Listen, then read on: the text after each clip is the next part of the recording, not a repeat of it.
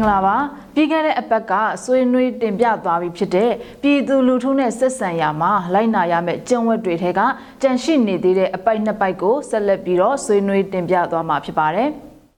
အဲ့ဒီကြန့်ရှိနေသေးတဲ့အပိုက်နှစ်ပိုက်ထဲကပထမအဦးဆုံးအပိုက်တစ်ပိုက်ကတော့အယက်သားပြည်သူများအားကာကွယ်စောင့်ရှောက်ရမည်အယက်သားပြည်သူပိုင်ပစ္စည်းဥစ္စာများကိုထိပါခြင်းမပြုရဆိုတဲ့အပိုက်ဖြစ်ပါတယ်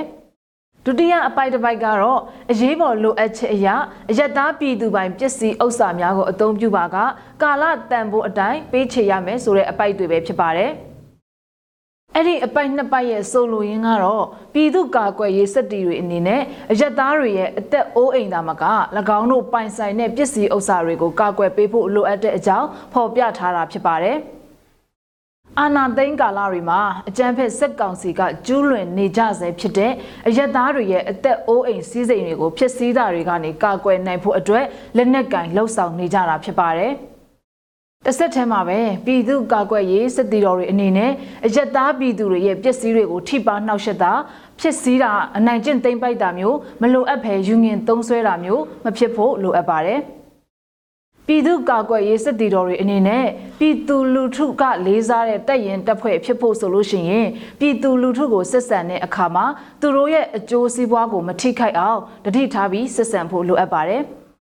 စစ်စင်ရေးတစ်ခုကြောင့်ပဲဖြစ်ဖြစ်ဒါမှမဟုတ်အခြားအကြောင်းရင်းတစ်မျိုးမျိုးကြောင့်အယက်သားပြည်သူတွေထံသွားလာတဲ့အခါမှာ၎င်းတို့ရဲ့နေအိမ်တွေပိုင်ဆိုင်မှုတွေကိုထိခိုက်တာမျိုးမဖြစ်ဖို့အထူးဂရုစိုက်ဖို့လိုအပ်ပါတယ်။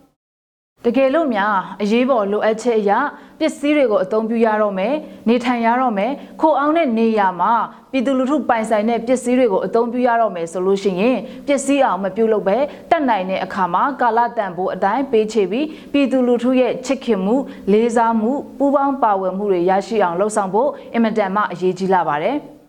ပြည်သူလူထုကညုံညင်ရင်ရက်တည်မှုထိခိုက်နိုင်ပါတယ်ပြည်သူလူထုကနာကြီးပြီဆိုလို့ရှိရင်လှုပ်ဆောင်တဲ့လုပ်ငန်းတွေအများကြီးထိခိုက်နိုင်ပါတယ်ဒါကြောင့်ပြည်သူတွေရဲ့အသက်အန္တရာယ်ကိုကာကွယ်ပေးသလိုပစ္စည်းဥစ္စာတွေကိုမှတ်ဖြစ်စီတဲ့တပ်ဖွဲ့ဝင်များဖြစ်ဖို့ကလည်းအရေးကြီးတဲ့အတွက်ကာကွယ်ရေးဝန်ကြီးဌာနကအခုလိုပြဋ္ဌာန်းထားခြင်းဖြစ်ပါတယ်။ ကျမတို့ရဲ့ပြည်သူကာကွယ်ရေးစစ်တီတော်တွေကကျန်းဝတ်ကောင်းတွေကိုလိုက်နာလေလေအကြမ်းဖက်စစ်ကောင်စီတပ်ဖွဲ့ဝင်တွေရဲ့ကမ်းကုန်ရုပ်မာမှုတွေကပုံမပေါ်လွင်လာလေလေပဲဖြစ်ပါတယ်။ဒါကြောင့်ကျမတို့ရဲ့ပြည်သူကာကွယ်ရေးစစ်တီတော်တွေအနေနဲ့ကျန်းဝတ်ကောင်းတွေကိုဆက်လက်လိုက်နာရင်အဆုံးထိတိုက်ပွဲဝင်ကြစို့အရေးတော်ပုံမုတ်ချအောင်ရမည်။